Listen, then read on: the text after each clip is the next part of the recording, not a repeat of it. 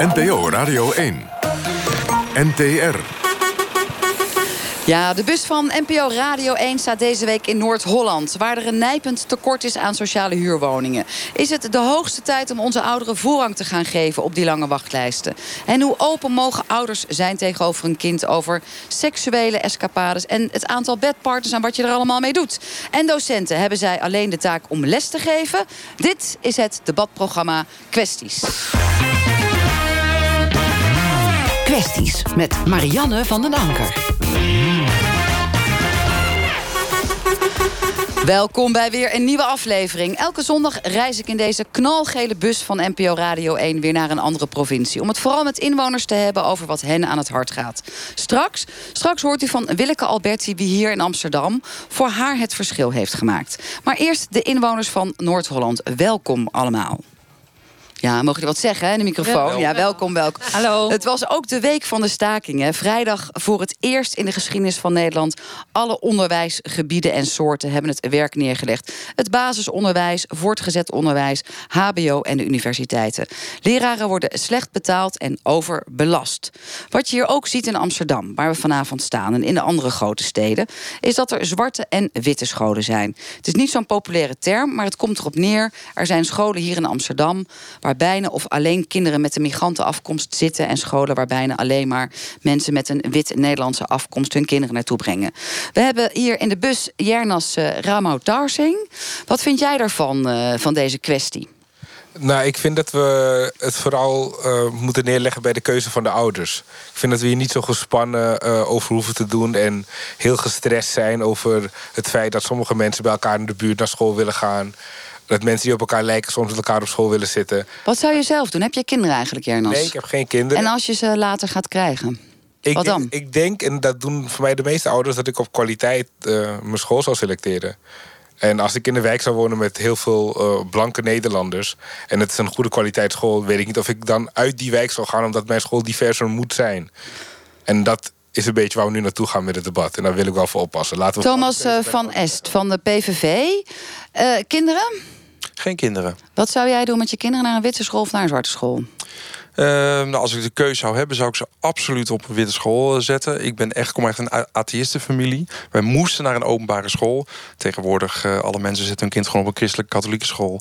Dus uh, ja, dat, dat heeft En gemengd? Is dat voor jou met je PV-achtergrond ja, ook nog een plus? Het, het, het moet gemengd. Kijk, uh, de wit- en zwarte scholen, vrijheid van onderwijs... dat is gewoon de segregatiemotor van Nederland. Integratie is mislukt, dat weten we met z'n allen. Er zijn zoveel initiatieven zijn er geweest... om die witte en zwarte scholen uit elkaar te halen. Het is allemaal niet gelukt. Dus gewoon rigoureus de vrijheid van onderwijs afschaffen onderwijs moet gefaciliteerd worden vanuit de overheid... met de christ, uh, christelijk-joods-humanistische cultuur... en een vleugje islam bij, want dat hebben we ook in Nederland. En zo moet je dat gewoon doen. En dat is de enige manier... Maar het is wel een enorme route om dat voor ja, elkaar te krijgen... want dat zit zo... helemaal muurvast. Ja, weet ik, maar er is zoveel initiatieven zijn er geweest... en het helpt allemaal niets. Sarita Banjat, je bent zelfstandig ondernemer. Ja, dat klopt. Kids? Ja, zeker. Naar wat voor school gaan ze? Mijn kinderen gaan naar een excellente basisschool in Amsterdam. Is dat een witte school, gemengd, zwart? Een zwarte school. ja, een van de enige... Maar wij zijn niet verbaasd doordat een zwarte school excellent kan zijn. Die hebben nee. natuurlijk alleen hier wel een kwestie natuurlijk met dat lyceum achter de rug. Wat vind ja. je van die basisscholen? Moeten die meer gemengd worden of Ik heb twee kanten hierin. Ten eerste vind ik dat segregatie eigenlijk niet voordelig is. Ik vind dat het heel goed is als je aan elkaar op een bepaalde manier wordt blootgesteld. Zodat er minder vooroordelen zijn, minder racisme. En dat je beter met elkaar door een deur kunt. Wat ten tweede is, is de gemakkelijkheid en de druk die er op ouders ligt. Je moet je kinderen naar school brengen. Als je kind naar een bepaalde school moet brengen die drie kwartier reizen is, is dat heel erg vervelend, kost heel veel energie. En daarnaast moet je ook iets doen aan sociale cohesie in de buurt. Dus er zijn meerdere kanten aan. En ik vind het vrij rigoureus om de segregatie van scholen aan te gaan door ze gelijk ergens anders te plaatsen. Dat kan op veel meer andere manieren. En dat integratie. Maar dat is wel wat natuurlijk uiteindelijk de ervaring is van witte ouders die dan toch hebben besloten van we doen onze kinderen naar een witte school. Die komen eigenlijk allemaal op hangende pootjes terug. Hoezo? Nou, dat is niet alleen het verhaal hier natuurlijk van jullie eigen burgemeester Femke Halsema. Maar dat, dat zijn wel verhalen die bekend zijn. Omdat er dan toch te weinig gemengd is. Dus als je als zwarte naar een puur witte school gaat, val je daar op. En andersom ook. En dan kom je toch niet tot cohesie. Um, jawel, want er, kijk, er wordt hier gezegd integratie is mislukt. Nou, dat vind ik complete onzin. Ik vind echt wel dat er veel gelukt is en dat er veel daadkracht is gebeurd. En dat er veel is gecreëerd. Daarnaast vind ik ook um, dat het bijna synoniem is. Een zwarte school wordt heel vaak gezien als zwart, zwakke school. Vandaar dat ik ook duidelijk ja, wil maken dat, dat er meerdere excellente scholen zijn. En dat er in Zuidoost zijn alleen maar zwart. Voornamelijk zwarte scholen die geen enkele zijn laag gewaardeerd. Er komen jaarlijks Thomas kinderen met een achterstand van school kinderen van niet-westerse uh, afkomst. Zijn het alleen kinderen van niet-westerse afkomst? Die komen met een achterstand die ze nooit van hun leven in gaan halen. Dat is wat ze jij denkt, maar dat is laag... Nee, dat, is, dat zijn gewoon de nee, feiten. dat zijn gewoon niet de feiten. dat zijn ook niet de nou, statistieken. Nou, dat is wel duidelijk. Want dit is dat mijn werkveld. Nou, dat, ik zei het net al bij het begin van deze uitzending... dat zwart en wit zijn nogal geladen en beladen termen. Wat je ook wel tegenkomt, dat scholen zeggen... Ehm, we kiezen voor kansrijk en kansenarm. En dan is kansrijk de hoogstgenoten vooropleiding van de ouders... en kansarm is dan de hoogste. Allerlei termen die nee, worden maar verzonnen. Een soort mij is anders. Die hele aanname dat, dat je als zwarte die dan naar een witte school gaat... dan kan je je niet aanpassen. Dus we zijn nu allemaal in termen van ras gaan denken. Dit is nu geaccepteerd blijkbaar. We gaan nu denken in termen van ras. Witte mensen kunnen niet op een zwarte school. Zwarte kunnen niet op een witte school.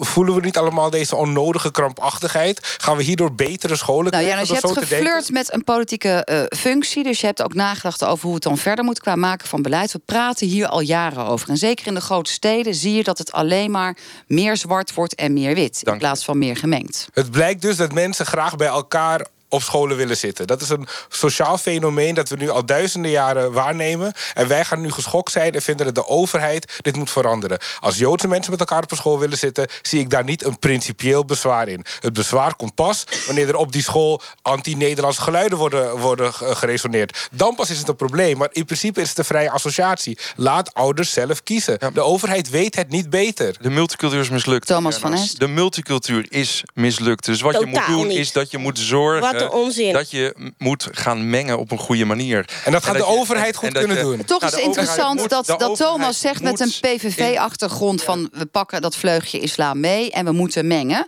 En jij zegt, Sarita, mijn kinderen gaan wel naar een zwarte school. Zitten ja. ze ook niet op een gemengde school? Jij zei ook, ik vind dat toch niet voordelig. Waarom nee, niet? ik vind het... Maar er zijn meerdere manieren om menging mogelijk te maken. Ten eerste, mijn man is gewoon wit... Dus daar hebben ze al heel veel mee. En ten tweede is het ook zo dat je ook andere culturen of andere dingen kan mengen. Het is niet per se dat je op een bepaalde school moet zitten. Je kan ook aan uitwisseling denken, je kan ook aan projecten denken, je kan over alles en nog wat denken.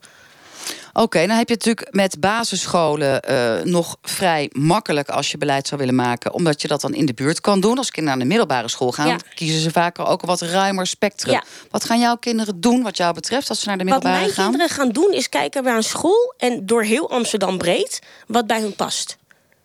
En dan maakt het jou niet uit wat voor een soort school dat als is. Als het maar bij hem past. Sora, jij bent uh, uh, ook politiek actief hier. Stadsdeelcommissie De Baarsjes. En uh, hoe kijk jij daar tegenaan? Hoe is het eigenlijk in De Baarsjes? Ja, ik ben van de PvdA. en mijn eerste reactie zou zijn... nou, dat, dat, dat is onzin dat een multiculturele samenleving is mislukt. Ik praat hier ook met een bepaald accent. En mijn kinderen net zo. En alleen aanname dat, dat kinderen met islamitische achtergrond dat ze dan achter... Het gaat over het mengen van scholen. Vind je dat wel of niet een goed idee? Je moet de overheid of de politiek daar wat aan doen. Want als ze aan de ouders overlaten, dan kiezen ze zelf. Ik kies liever om, om uh, u met name te overtuigen... Thomas dat het wel nodig is, juist, uh, om, uh, om, om scholen te mengen. Ja. En niet vanwege, vanwege be belangen van ouders, maar belangen van kinderen. Ja. Gaat het om kwaliteit van onderwijs. En alle kinderen dan, ongeacht waar ze vandaan komen... zij hebben, zij hebben potenties en zij kunnen heel veel bereiken. En dat is ja. eigenlijk waar we naartoe ja, ik, ik, denk wel even om vast te stellen, wat bedoel ik met multicultuur, is dat je echt culturen helemaal langs elkaar heen laat leven en in een eigen kokon plaatst, zeg maar. En overtuigen gaat denk ik niet lukken, want ja, als er 40 jaar wanbeleid van de Partij van de Arbeid uh, bijna ons land in afgronden wordt gericht. Daar hebben we nu even niet over. Wij hebben het over onderwijs. En, en, waar ik vooral wil, wil aan. Sora, hoe zou je het dan kunnen doen? Want het is natuurlijk wel een gegeven dat het voorlopig niet is gelukt. En in de grote steden wordt het alleen maar erger. Uh, het is niet gelukt om uh, kinderen van verschillende achtergronden bij elkaar uh, onderwijs te laten volgen. Dat is niet, uh, in ieder geval onvoldoende gelukt. Onze wethouder Marjolein Moerman, zij is nu mee bezig. Zij wil dan inderdaad heel veel investeren, juist om kinderen van verschillende achtergronden om bij elkaar te laten leren.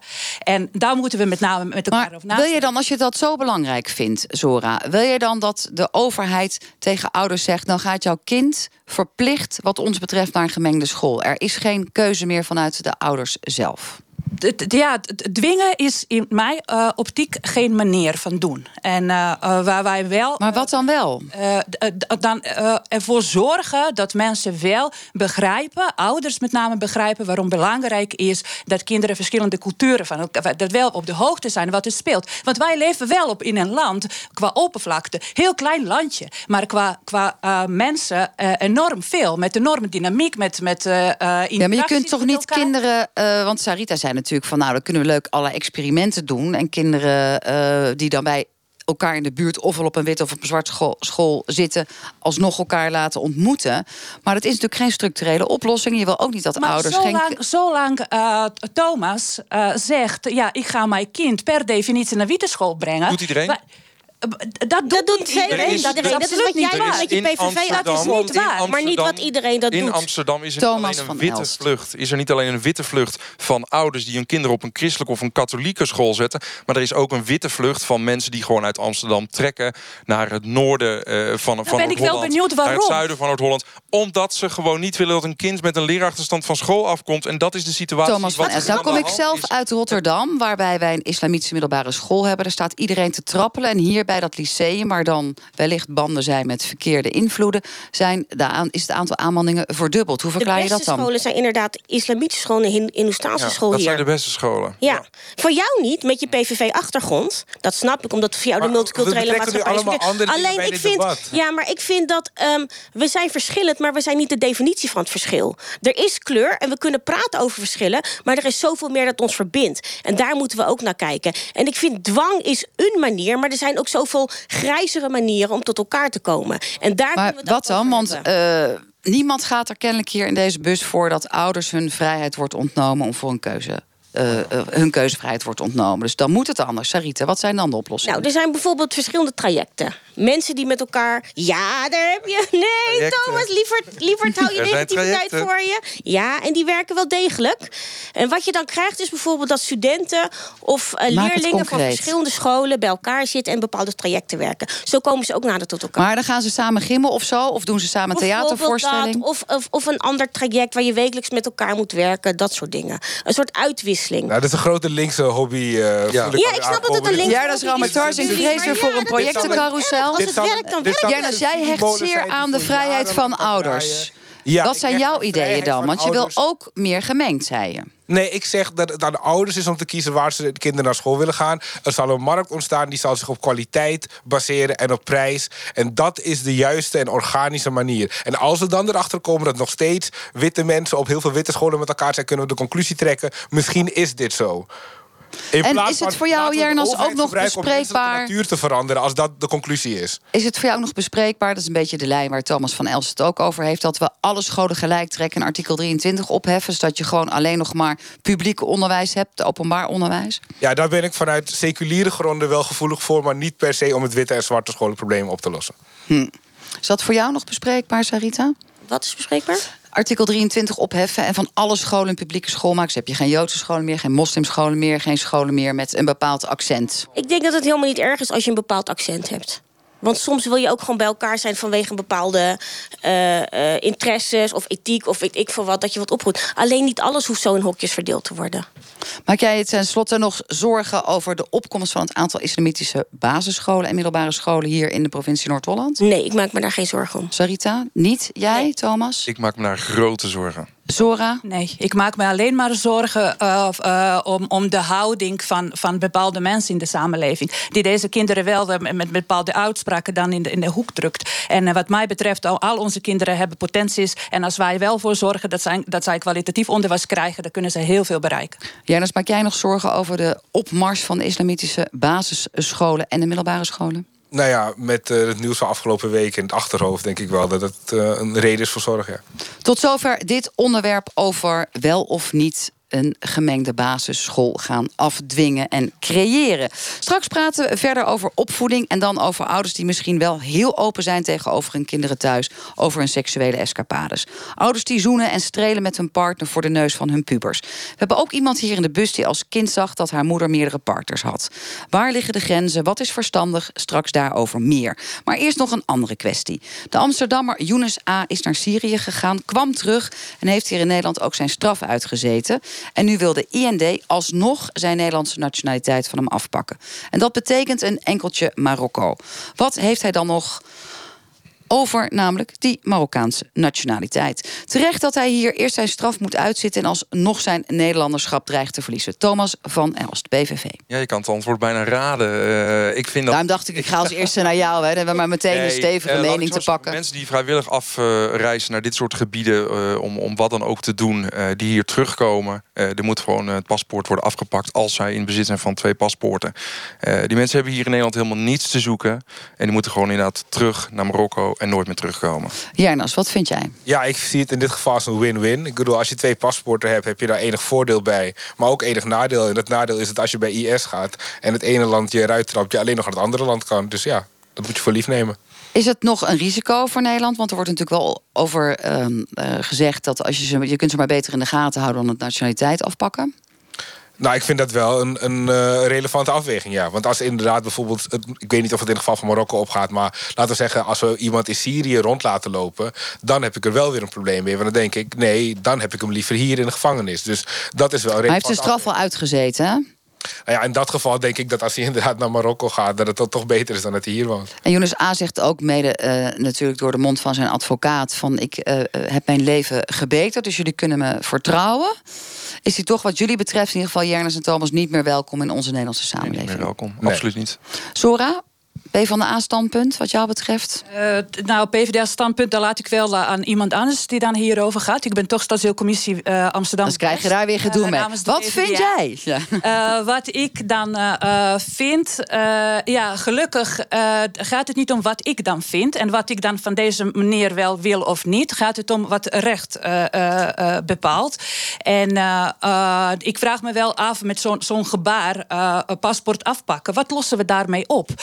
Vergroot dat wel uh, veiligheid in het algemene zin of niet? En waar ik vooral benieuwd naar ben, is uh, wat, wat, wat, wat beweegt deze meneer om hoe dan ook paspoort, Nederlandse paspoort toch te behouden? Dus blijkbaar heeft hij wel motieven. Ja. Op jouw eerste vraag zag ik dat Thomas van Elsen een antwoord heeft. maar dat is waarschijnlijk zijn eigen antwoord. Hij heeft het niet aan Younes A. zelf gevraagd. Nee, maar, geef even juist, antwoord. Nee, maar het gaat er met name om van wat voor signaal geef je af. Ik denk als je zo iemand zijn paspoort afpakt... dat je juist het signaal afgeeft van let op wat je doet. Je, het is een groot goed, het Nederlands paspoort. Uh, je mag hier wonen, maar je gaat niet naar Syrië. En als je terugkomt, dan kun je gewoon uit worden gezet. En loop je niet toch het risico, misschien een beetje softe benadering... hoor, in de oog van de PV, dat hij radicaler wordt? Ja, nou, en agressiever als, en gewelddadiger. Als hij radicaler of agressief wordt, prima. Maar dan wel lekker in Marokko en niet hier in Nederland. Ja, dat is het dehumaniserende daarvan. Van het maakt niet uit als het een probleem is, als het maar zolang niet ons probleem is. Uh, white supremacy is ook een probleem. Kijk maar naar de schoolshooters. Um, we, hebben het, ja, we hebben het nu ook over. Uh, de minister heeft geadviseerd om het niet te doen, omdat het het deradicaliseringsproces in gevaar brengt dat lijkt me toch wel belangrijk om ook naar te luisteren. Ja, de voorzieningenrecht doet het over twee weken uitspraak. Ik geloof dat er nog 13 of 14 van dit soort gevallen zijn. En dat Younes A natuurlijk wat dat betreft ook weer een voorbeeld zal zijn... voor wat er wellicht in die andere situaties aan de orde zal zijn. Sarita, wat vind jij principieel ten aanzien van die dubbele paspoorten? Daar heb ik niet echt een mening over. Ik ben er niet heel erg in verdiept. Heb je die zelf, dubbel paspoort? Nee. Iemand hier, jij nog? Heb jij nog een dubbel paspoort? Heb uh, wel een dubbele nationaliteit, maar geen dubbel paspoort. Zora, jij? Ook niet. Alleen, alleen Nederlands. Oké, want jij stelde natuurlijk ook terecht de vraag van waarom heb je nog een dubbel paspoort? Nou, volgens mij is dat in het kader van die Marokkanen wel zo dat dat uh, vaak ook nog gerelateerd is aan, uh, uh, aan de koning van Marokko. Het kan niet anders. Ze kunnen er zo moeilijk vanaf. Of breek ik nu weer een hele nieuwe discussie open, Thomas? je kan uh, technisch gezien altijd uh, van je paspoort af. Maar over die dubbele nationaliteit ben ik ook... je kan, moet hem zelfs een stap verder uh, trekken wat mij betreft. Drie geweldsmisdrijven, overvallen, wat dan ook drie strijks oud, gewoon dubbele nationaliteit, Nederlands paspoort afpakken. Dat is een goede signaalfunctie. Hogere straffen, ben je klaar. Dat is het standpunt van Thomas van Elst... wat een beetje niet direct met dit onderwerp van Yunus A. te maken heeft. Maar zoals gezegd, ik vroeg ernaar. Dus terecht dat jij antwoord geeft. U luistert naar Kwesties. Vorige week stond ik met de bus van NPO Radio 1 in Overijssel. Daarvoor in Flevoland. En vanavond sta ik in Noord-Holland, Amsterdam. Laten we het hebben over opvoeding en seksualiteit. Want hoe open mogen ouders zijn tegenover een kind of puber thuis... over hun eigen seksleven en bedpartners? En waar liggen de grenzen? Mag je bijvoorbeeld voor je kinderen zoenen of tongzoenen, strelen je uh, uh, buitenechtelijke relaties meenemen en aan de ontbijttafel zeggen, zetten en wat iets meer zei. Maandag begint de Boekenweek en een van de boeken die uitkomt gaat over uh, een, een, prachtige zoektocht van zowel Maaike als van ehm, Alice. Want jullie zijn moeder en dochter. En Mike, het was eigenlijk jouw initiatief. Want jij vroeg je af hoe het nou eigenlijk zat met de invloed die het leven, het seksuele leven van je moeder heeft gehad op jou.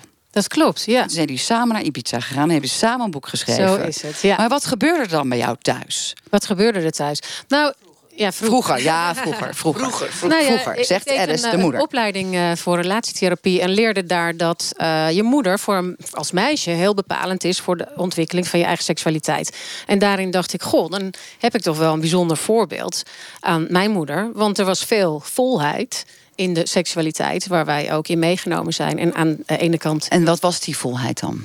Um, mijn ouders hebben de hippie-tijd beleefd en daarin uh, hoorde ook de vrije liefde. Make love and not make war. love, not war. Nou, dat is aan de ene kant natuurlijk uh, heel prettig, maar voor mij als kind ook wel verwarrend. Ja. Mag het, ja, we willen natuurlijk toch een beetje meesmullen van hoe dat er thuis ging. Ik ga het gewoon aan de moeder lezen, vragen. Ja, ik zal het ook Ja, tegen iedereen zeggen. als u meekijkt op de webcam, het is een prachtig blauw boek. Het ligt mooi. al in de boekhandels. Het is al te koop. En dus wat deed u dan? Nou, wat deed ik dan? Wij ehm, waren natuurlijk in de jaren zeventig. Ik was net 22, had drie kleine kindertjes. En ik, ik was nog zo groen als gras. En mijn ex-man ook. En wij waren... eh, ehm, wij werden eh, heel erg gestimuleerd om eh, buiten de geëikte paden ons, ehm, ja, ons heil te zoeken. Want we waren niet meer zo blij met de maatschappij. Dus we gingen zowel kijken naar hoe kunnen we onze horizonten verbreden. Op weg eh, in de liefde, op onderwijs, waar jullie het over hebben. Over woonvormen, eh, man-vrouw maatschappij. Later is dat ook meer feminisme voor mij geworden. En eh, wat de liefde betreft hadden wij in Amerika, woonden wij in die tijd. Mijn man en ik met die drie kleine Ja, smulpaapjes. Ehm, en daar, daar hadden we de film gezien: Bob, Ted, Carol en Alice. En dat was dat eindigde dat ze met z'n vieren in bed lagen. En dat werd natuurlijk een enorm smullen ook, inderdaad, met elkaar, met vrienden. En dus een beetje aftasten. Zouden we dat wel willen? Zouden we dat niet willen? En Long story short, om het maar even in dat- het eh, we. Engels te doen. Ja, long story short. Dus wij hebben wel af en toe vrienden ehm, gevonden die dat ook leuk vonden met ons. Dus dan deden we aan partnerruil heel af en toe. En later ehm, eh, hebben we ook ieder van ons eigen, eigen lovers wel gehad. En dat, eh, dat was ook met name toen we van tafel en bed scheiden. Had u enig idee eh, wat dat voor uw kleine smulpaapjes, hè, zoals u het eh, zei, voor een impact had? Toen niet, want wij waren voor eerlijkheid, we waren voor openheid, wij waren inderdaad alles aan het onderzoeken. Het was voor ons een zoektocht van hoe gaan we een, een nieuw soort maatschappij maken. En dat was dit ook. En dus hebben geen enkel, geen enkel idee gehad dat dat veel schadelijker was dan we hadden gedacht, omdat we zo eerlijk en open waren. Dat Dus u was- zeiden gewoon aan de ontbijttafel: joh, dit is puntje, puntje. En die Ja, heeft die vannacht. ze die kennen ze al, omdat meestal die wel. gewoon ook als vrienden bij ons kwamen. En hoe kijkt u daar nu tegenaan? Nou, nu, na onze gesprekken die heel confronterend waren... Hè, waar, waar Maaike ook eh, met name liet zien hoe verwarrend het voor haar is geweest... eh, en sowieso, doordat ik zelf alweer 40 jaar monogaam ben... eh, heb ik iets van, eh, ja, dat is niet, niet zo zinnig geweest in die tijd. En dat zie je ook aan al die films die teruggrijpen... op de enorme vrije liefde van de jaren 70... zie je dat kinderen enorm beschadigd zijn. Nou, dan gaan we maar even aan Maaike vragen. hoe erg dan? Nee, jullie zijn overigens beide eh, relatietherapeut en coach. Dus jullie hebben je wel heel erg Ik ben de verdiept. eh. relatietherapeut Ik ben de ook relatie- Ja. relatiecoach, ja, ja. Uh, of ik nou zozeer beschadigd ben, zou ik, zo zou ik het niet willen benoemen. Maar ik was wel. Um, het heeft wel effect gehad op mij. Met name ook dat ik niet zo goed uh, uh, wist wat, hoe je je partner zou kunnen blijven behouden. Voor mij heb ik er in mijn hoofd van gemaakt dat vrije seks uiteindelijk ook tot scheiding leidde. Omdat mijn ouders ook zijn gescheiden. Dus in mijn eigen relaties dacht ik, oh, ik moet daar wel oppassen dat dat niet ook gebeurt, want dan zou ik ook gaan scheiden. Dus dat heeft wel. En heeft het jou dan niet dwangmatig in een soort monogamie gestopt, die misschien ook weer alle vrijheden in je geest heeft weggenomen om ook eens een nou. beetje te experimenteren? Nou, nee, niet dwangmatig, maar ik was wel bang voor dat uh, te veel ruimte ook zou leiden tot verlies. Ja. En ik ga het even hier breder in de bus vragen. Want het is natuurlijk zo dat we er allemaal mee worstelen. Van wat vertel je aan je kinderen? En dit is natuurlijk een, iets heel expliciets hè, wat jullie mee hebben gemaakt. Met partnerruil en ook anderen aan de ontbijttafel. Mag ik eerst nog een vraag stellen? Want ja, Thomas is de conclusie van, van het boek dat polyamoreuze relaties niet werken? Absoluut niet. Oké, oké. nee, dan nee, dat, nee, dan nee, nee, een beetje Ik wil vooral ook niet een oordeel hebben over wat andere mensen doen. Voor mij was het veel meer van wat heeft het met mij gedaan? En, um, en hoe ga je als vrouw zelf met seksualiteit om en met mannen, als je het voorbeeld niet hebt gehad dat je daarin ook heel duidelijk je grenzen aan mag geven. Toen ik zelf seksueel actief begon te worden, uh, ben ik ook wel geschrokken van, goh, als je uit zo'n open nest komt en je mm. praat makkelijk over seks, want dat deden wij, dat was gewoon ook, ja, blootheid was ook gewoon, uh, dan is het heel makkelijk voor mannen om te denken dat je dus ook in alles open bent en dat je ook meteen maar met ze seks wil hebben. En daar was ik een beetje van geschrokken. Van, oh, als dat de reactie is, hoe, dan moet ik mezelf ook maar gaan afgrenzen. Had jij, Maaike, uh, wel omdat je zo'n ruime, uh, denkende moeder had... Uh, meer gemak om comfort te hebben met je eigen lichaam... het masturberen en klaarkomen en je eigen, van je eigen lichaam genieten? Ja, dat denk ik wel. Ja, ja. Dat, heeft het dan wel opgeleverd. Ja, dat vind ik ook fijn. Want ik denk, nou, over masturberen en alles, daar hebben we het niet te veel over gehad in die tijd, geloof ik. Absoluut niet. Maar ik was wel happy met uh, het bloot zijn in, als kind. Met mijn lijf. En dat heeft wel gemaakt dat ik ook daarna gewoon prettig in mijn lijf zit. Dus dat, dat vind ik, ik heel goed. In mijn leven moeten herwinnen. Het gemak met. Hè, want dat was allemaal dicht en preuts en Victoriaans. En, dus voor mij was het een overwinning om daar vrijer in te worden. En als ik nou als je, aan jou. Ik heb zelf uh, vijf kids en we zitten volop in, uh, in alle. Ja, ja, ja. zo, zo. Wat is jouw advies ook, denk ik, aan alle ouders van Nederland? Hoe moeten we het nou wel doen? Nou, ik denk als je echt van de vrije liefde bent en je wilt graag partner, partnerruil of je bent polyamoreus, dan denk ik dat je dat niet uh, bovenop je kinderen moet doen. Die waarde en die norm eerlijk. Die eerlijkheid. Dat is een beetje plastisch. Dat is niet wat ik bedoel. Dat al helemaal niet. Maar die eerlijkheid is juist niet goed geweest. Nou, um, ik, ik, ik dacht er vandaag over na dat ik dacht: goh, stel je voor dat je nu niks erover zegt en je bent het wel. En je kind wordt 20 of 25 en die zegt: Ik heb altijd iets aan jullie gemerkt. En je vertelt dan: Ja, we hadden ook andere liefjes. Dan zouden ze zich ook verraden kunnen hebben gevoeld. Dus ik vind het een heel een, een lastig dilemma van hoeveel vertel je wel en hoeveel vertel je niet. Dus ik denk wel dat het goed is om bepaalde eerlijkheid te heb, hebben en iets minder openheid. Ja. Hm. Ik kijk even rond. Wie wil hier iets over zeggen? Hoe hij het thuis doet, wat hij ervan vindt? hoe hij het thuis doet. Met de billen bloot. Sarita? Ja, vertel. Nou, jij, hoeft, jij, hebt kinderen. jij hebt kinderen. Jij hebt kinderen. Hoe doe jij dat? Hoe doe jij dat? Uh, nog los van, we hoeven natuurlijk niet te weten... wat jouw seksuele escapades zijn. Maar okay. ik vind best leuk. Zoenen jullie uitgebreid? Uh, vrij jullie met de deur open? Is, hoe open is dat? En denk je daarover na, ook in de opvoeding Ja, daar denken we zeker over na. En uh, we kunnen elkaar wel kussen op de mond, maar echt vrij of heftig tongzoenen, dat doen we niet voor de kinderen. En met welke reden? Um, ik weet het niet. Ik, ik, vind niet dat, ja, ik vind niet dat het echt hoort bij kinderen of zo. Of ik voel me daar niet heel prettig bij. En je zou tegelijkertijd ook kunnen denken... goh, papa en mama zijn hartstikke verliefd. Ja, maar ze dat is ook leuk om te zien. dat we super verliefd zijn. Maar dat zeggen ze ook. Oh, papa en mama zijn nog steeds hartstikke verliefd. We kussen en we knuffelen nog steeds met elkaar. Maar echt dat uitgebreide, dat, dat is gewoon lekker. Voor in de bedkamer met de deur dicht. Ja. Juist. Ja, ik denk dat er ook Als de kids slapen. Een soort grens is tussen intimiteit en seksualiteit. Juist, en het delen van de intimiteit, knuffelen en een kus... en elkaar een aai geven of zo... en, en laten zien dat je van elkaar houdt. Dat vind ik heel fijn om dat te delen. Maar waar het gaat over seksualiteit, geilheid, dat is uh, mooi gezegd. Achter de deuren. Zora, ook met kinderen hier uh, in de bus. Ja, ik heb, ik heb uh, zelf twee kinderen. En uh, ik uh, sluit me volledig aan wat jij dan. Ja, als ik je mag zeggen. Ja, dat is wel een groot onderscheid tussen intimiteit en seksualiteit. En in de opvoeding is wel belangrijk dat kinderen leren ook grenzen van anderen aan te voelen en te accepteren. En zij leren ook dat stukje van intimiteit. Hoe belangrijk dat is, die warmte te voelen. En genegenheid en, en toewijding en noem maar, maar op. Maar seksualiteit blijft wel een intiem iets. En dat is wel iets tussen twee volwassenen.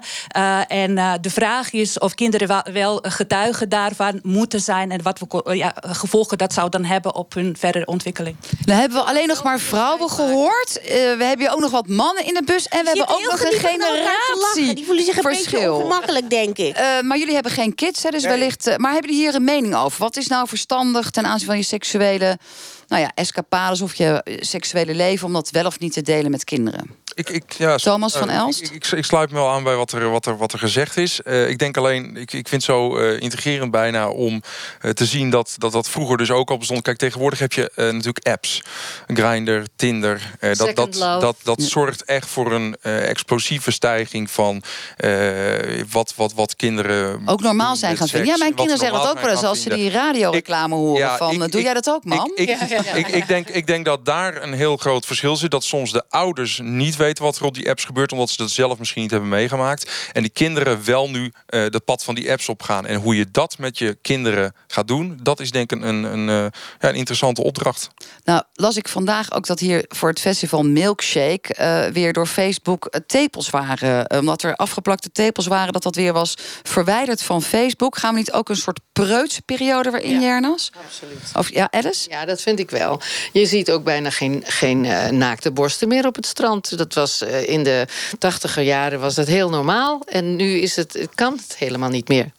Nee, maar het is nu weer het tegenovergestelde van het fatshaming. Toch? Want heb je in Engeland heb je ook die beachbody uh, posters die niet meer zouden mogen.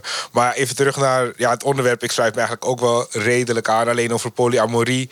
Ik snap wel dat dat issue dat hij zegt van ja, of je moet liegen of ze voelen zich verraden. Maar dat lijkt me gewoon een van de vele problemen met polyamorie. Maar de, ja, dat is ja. ook zo. Dat is, het is een lastig probleem. Ja. En ik wil nog wel onderscheid maken tussen laten je eigen geilheid of je, je, je, je seksuele zin laten zien aan je of laten zien of laten horen dat je ook een andere lover hebt. Of dat je van meer mensen tegelijk kan houden.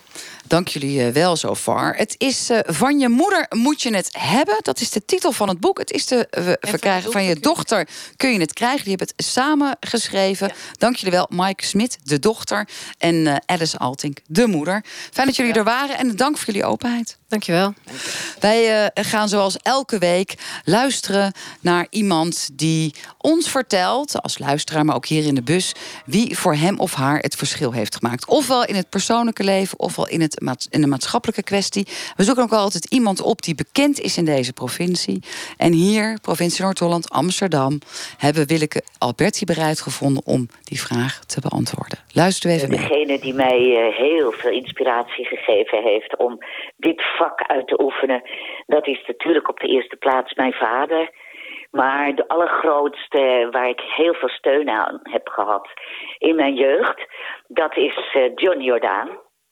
En die heeft samen met mijn moeder, hebben zij eigenlijk al die jaren, die beginjaren, hebben zij ervoor gezorgd dat, uh, ja, dat ik de juiste dingen, dat ik de juiste dingen heb gedaan. En uh, ja, daar ben ik ze nog altijd heel erg dankbaar voor.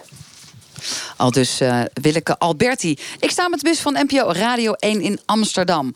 Vlakbij het IJmeer tegenover Amsterdam Centraal. Kunt u het zich voorstellen? U bent bijna 70, 80 jaar, slecht ter been en u woont op drie hoog. Niet omdat u dat wil, want u bent al jaren op zoek naar een woning. Maar ja, omdat u geen sociale huurwoning kunt vinden. De wachtlijsten zijn heel lang. Dit probleem speelt zich in verschillende delen van het land af. Ook hier in Amsterdam.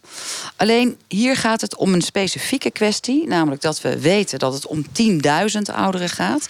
Die geen geschikte sociale huurwoning kunnen vinden. En ook nog eens een keer ouderen waar nog iets specifieks voor geldt. Die huren namelijk op dit moment moment bij een particuliere verhuurder. En zie er dan maar eens tussen te komen. Wat kunnen we hier aan doen? Hoe erg is het probleem? Dat gaan we hier bespreken. Want ja, tien jaar wachten, dat is geen optie voor deze mensen. Want ja, Het is op dit moment al kwetsbaar zat. De vraag die wij voorleggen hier vanavond is: moeten ouderen niet gewoon voorrang krijgen? En dan weet je natuurlijk één ding meteen zeker: het is nogal druk hier op de Amsterdamse woningmarkt. Ik, zeker ook de sociale huur. En er willen natuurlijk jongeren voorrang. En er willen statushouders voorrang. En mensen die uit de gevangenis komen. En nou ja, van alles en nog wat. Vanavond hier de kwestie: moeten ouderen voorrang hebben? U bent uh, naarstig uh, op zoek, mevrouw uh, Siri, zo mogen we u noemen, naar een woning in Amsterdam. Wat is uw situatie? De situatie is dat het gewoon helemaal niet lukt. Dit heeft te maken met de particuliere verhuurder. Want u woont op dit moment via een particuliere verhuurder. Onduidelijkheden die het woningnet biedt. Woningnet is hier in Amsterdam de manier om aan een sociale huurwoning te komen? Mm, wij zijn daar op een gegeven moment hebben we daarop ingeschreven. En we zijn gaan zoeken. En toen kwamen we er heel snel achter dat. Hoe lang staat u al ingeschreven? Zolang als woningnet bestaat. Een jaartje of 38. Eh, en wij konden dus ook onze woonduur van 50 jaar verzilveren. Maar we blijken helemaal niets aan woningnet te hebben. En in uw geval is zo'n particuliere verhuurder... wat ik heb begrepen is dat is ooit ontstaan hier in Amsterdam... dat particuliere verhuurders moesten iets aan sociale woningverhuur doen. En dat deden ze ook. Dus eigenlijk hebt u voor uw gevoel een sociale woning gehuurd. Ik heb 50 jaar geleden niet bedacht dat dit zo zou veranderen. Nee, nee. nee. En nu zit hij enorm met de gebakken peren. Um, nou, wij vallen tussen de wal en het schip. Ja, en dat heeft alles te maken met dat u nergens eigenlijk tussenkomt en nergens voor een aanmerking komt. Heeft het ook nog een financiële component in uw geval? Ja, dat speelt ook een rol. Maar het belangrijke is dus, er zijn allerlei fantastische regelingen. Die zien er ook heel vriendelijk uit voor, uh, voor ouderen.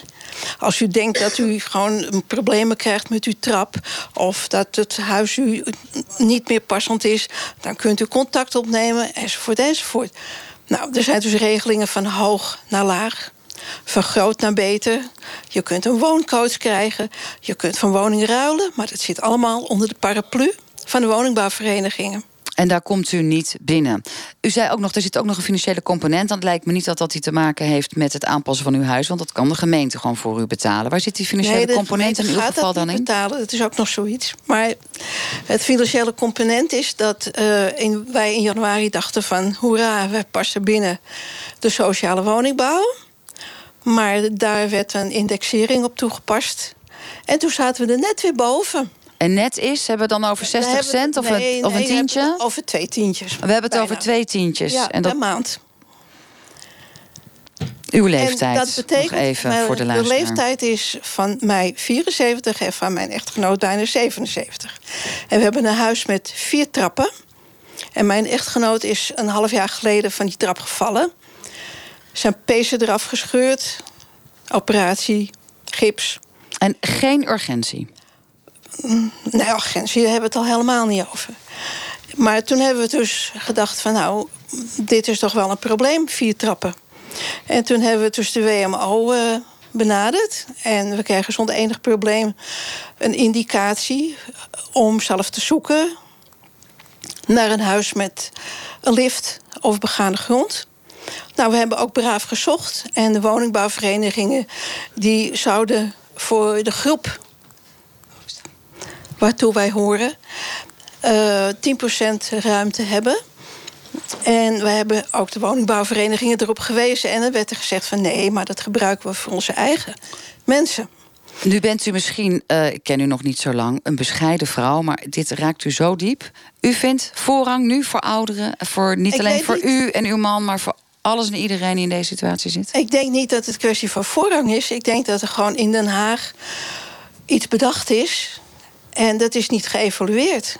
Waardoor er dus gewoon een hele groep niet aan een woning kan komen.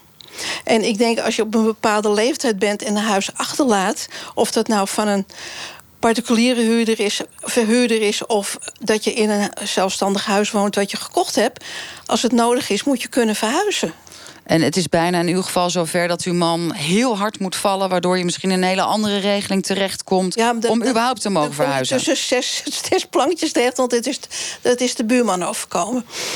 Beetje. Goed, nou, ja. stevige handel. Ik hoop dat Den Haag meeluistert. In ieder geval ook hier de politiek vanuit Amsterdam. We gaan nog even naar mevrouw Vera Bloot. Daar hebben we een gesprek mee gevoerd. Zij wil heel graag ook verhuizen, liefst in haar eigen buurt. Um, omdat zij dan gebaat is bij sociale contacten. Zij kan helaas niet zelf aanwezig zijn, maar ze heeft wel aan ons verteld wat haar situatie is en wat zij graag wil. Ik woon momenteel op de tweede verdieping. Dat betekent dat ik twee steile trappen omhoog moet. En dat gaat op dit moment nog wel. Maar ik ben wel al een tijd bezig met zoeken naar een woning. Want uh, ja, hier kan ik niet uh, echt oud worden. Maar dat, ja, dat lukt niet, omdat er uh, voorrangsregels zijn voor mensen die bij een corporatie wonen. Ik huur van een particuliere eigenaar.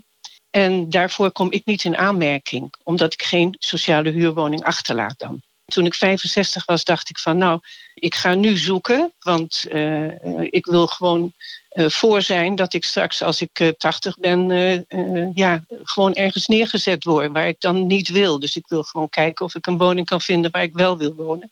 En dat is graag in de buurt waar ik nu woon. Dus ik ben nu al zes jaar bezig. Ik heb 36 jaar inschrijfduur. Nou, ik dacht van dat is een hele hoop. Maar uiteindelijk blijkt dat dus nou ja, niks te zijn, omdat die al die mensen met een voorrang, die gaan voor.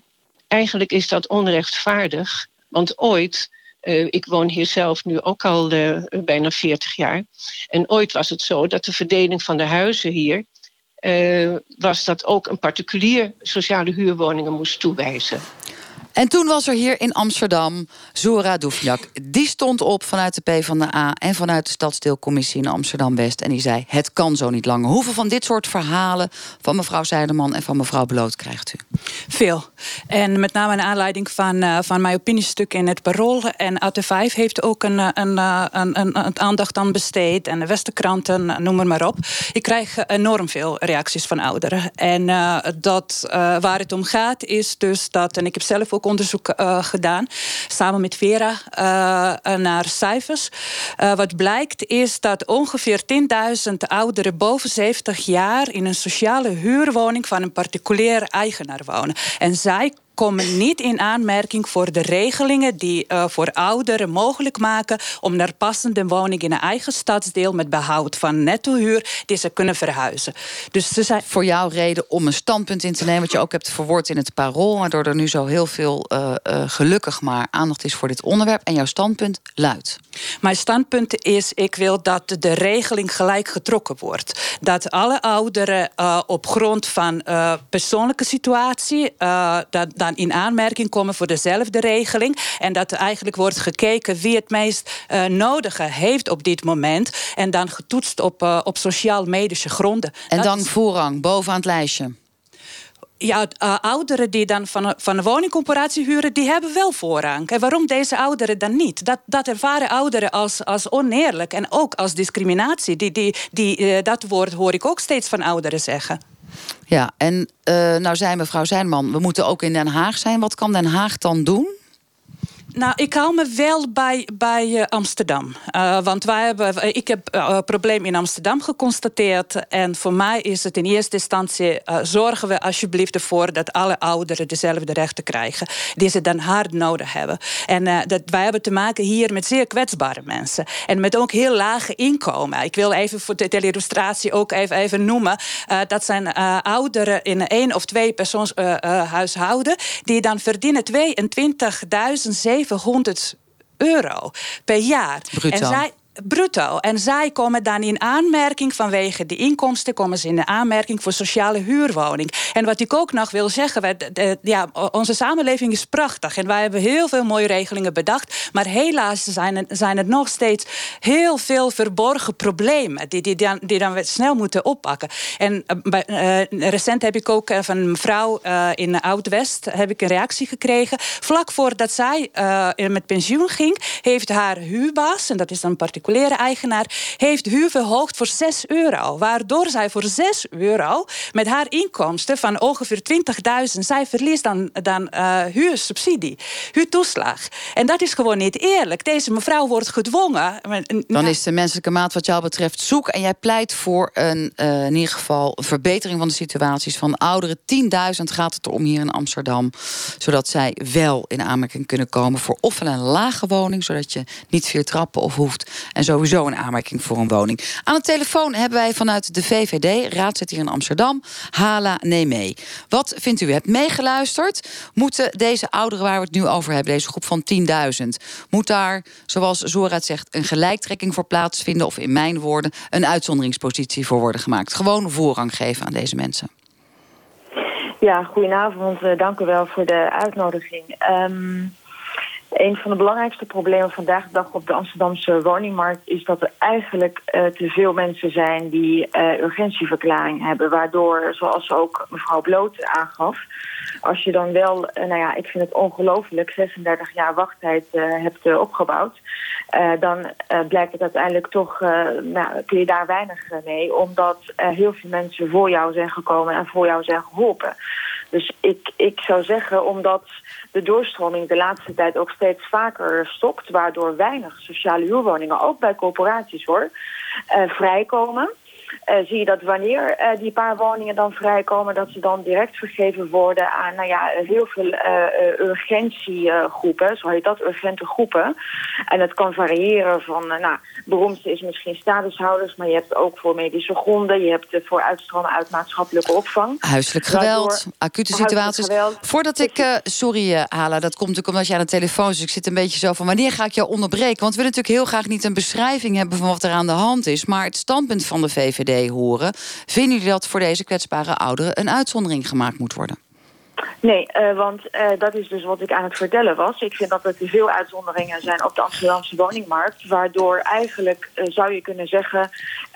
je moet wel tot een bepaalde doelgroep behoren... wil je vandaag de dag een woning krijgen. En volgens mij is dat niet eerlijk naar de mensen... die ook in die hele lange rij staan te wachten. Wij moeten deze even voordat... want jij krijgt hier... iedereen zit hier in die bus, je kan het niet zien... tenzij je meekijkt via onze online uitzending.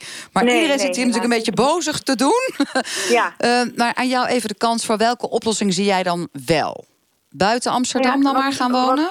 Wat, wat, mij een beetje verbaast is dat uh, mijn collega uit de PvdA West... Uh, die haar partij zit in het stadsbestuur van Amsterdam. Dus ze heeft ongelooflijk veel macht om dit te veranderen. En we hebben twee maanden geleden dat oudere huisvestingsplan besproken. En toen is dit helemaal niet uh, aan de orde geweest. Dus dat is wel aan de orde ge eh, geweest, het spijt me. Er is wel een zin opgenomen in, in sorry, met Zora, uh, Doefniak van PvdA Amsterdam-West. Er is wel in, in, in het plan oudere huisvesting is wel een zin opgenomen waarbij werd duidelijk aangegeven dat er wordt nagekeken of en hoe dan dezelfde regeling dan ook voor, voor ouderen die in een particulier particuliere huursector sociale huurwoning uh, huren... of de, ook dat van, van hen voor toepassing zou zijn. het punt wat volgens mij uh, Hala wil maken... is, je zit zelf hier in de coalitie. De VVD die doet op dit moment niet mee in deze coalitie. Dus uh, in plaats van hier moeilijk doen... stap naar je eigen Partij van de Arbeid.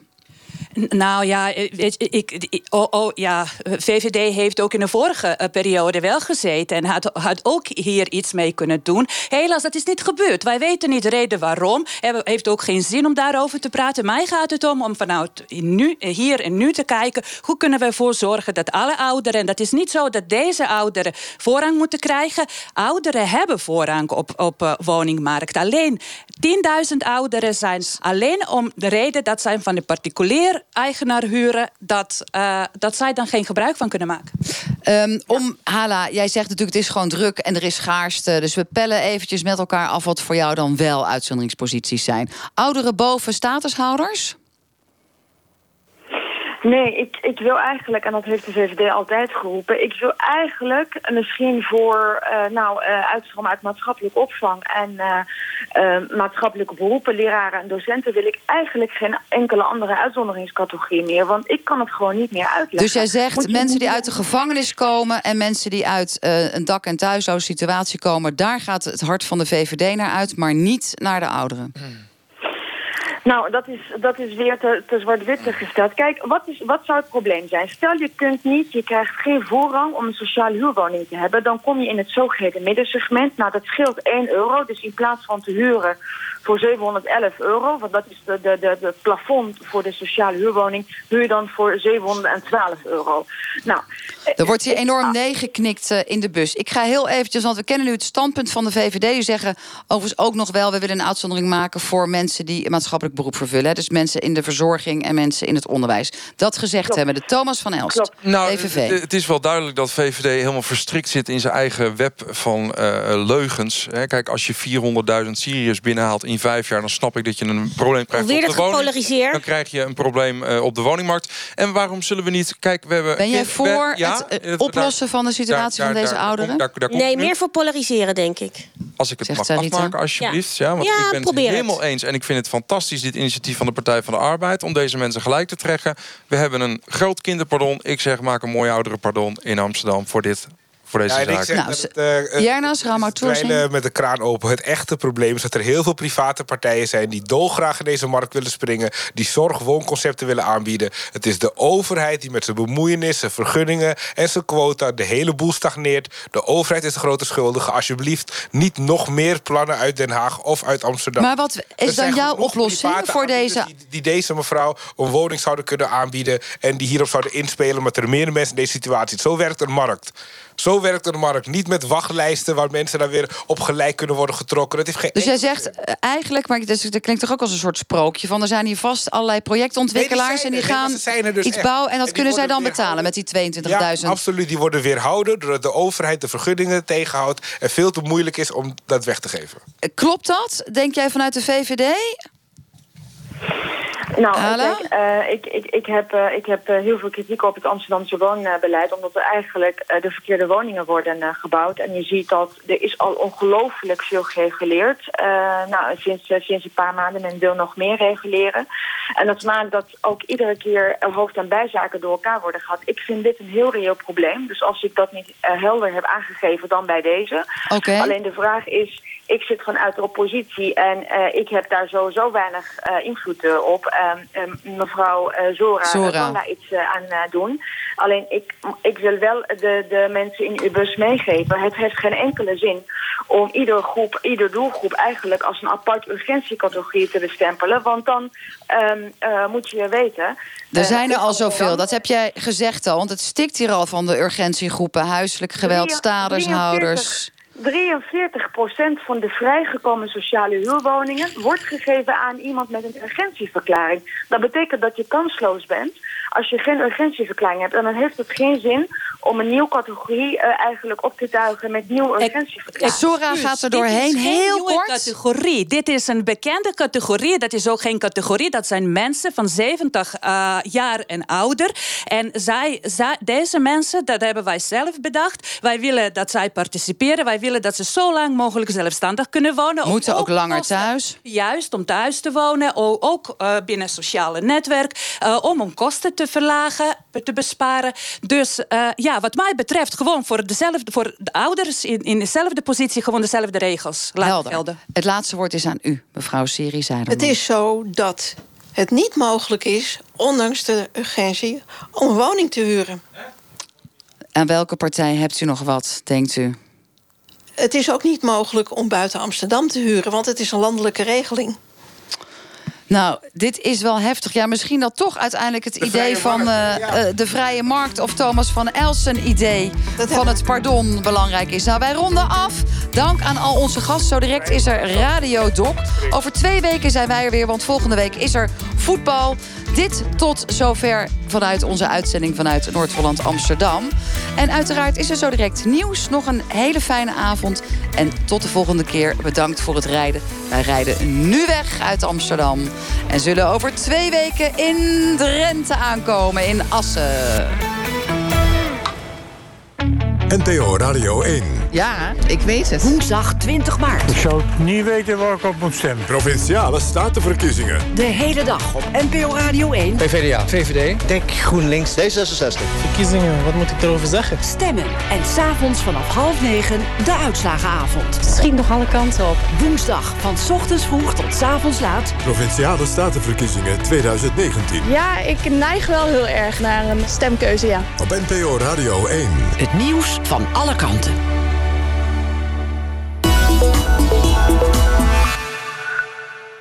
Energiedirect.nl doet maar aan één soort groene stroom. Van 100% wind. Dus groen is bij ons groen. Niet lichtgroen, niet donkergroen, niet gifgroen, niet mintgroen. Nee, gewoon groen. Voor iedereen. Wel zo makkelijk. Ga voor supervoordelige groene stroom van 100% wind naar energiedirect.nl. Slim bezig.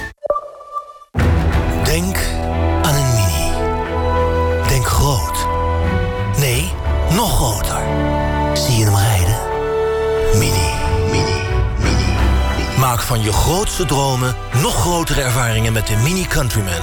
De SUV van Mini. Nu tijdelijk vanaf 415 euro per maand met Mini Private Lease. Denk groot. Kijk op mini.nl. VVD en CDA beloven stevast minder immigratie. Maar waren de afgelopen jaren verantwoordelijk voor een absoluut immigratierecord. En toen tekenden ze ook nog eens het Marrakesh Immigratiepact. U bent bij de neus genomen. Ik ben Theo Hiddema. Met uw stem zetten wij Rutte klem. Stem Forum voor Democratie op 20 maart. Denk groot. Kijk op mini.nl. Slikt u vaak pijnstillers voor uw reumatische klachten? Zou u deze klachten graag natuurlijk verlichten? Atrosan-tabletten van Avogel helpen bij milde gefrispijn en reumatische pijn... zoals door artrose en artritis. Het is een natuurlijke pijnstiller op basis van Harpagofitum. In Duitsland en Zwitserland wordt het al veel gebruikt om reumatische pijn te verminderen. Reumatische klachten? Atrosan-tabletten. Avogel helpt. Traditioneel kruidengeneesmiddel. Lees voortkoper de aanwijzingen op de verpakking. Welk boek wordt managementboek van het jaar 2019? De longlist is bekend. Het aftellen is begonnen. Kijk voor de kanshebbers op managementboek.nl slash longlist.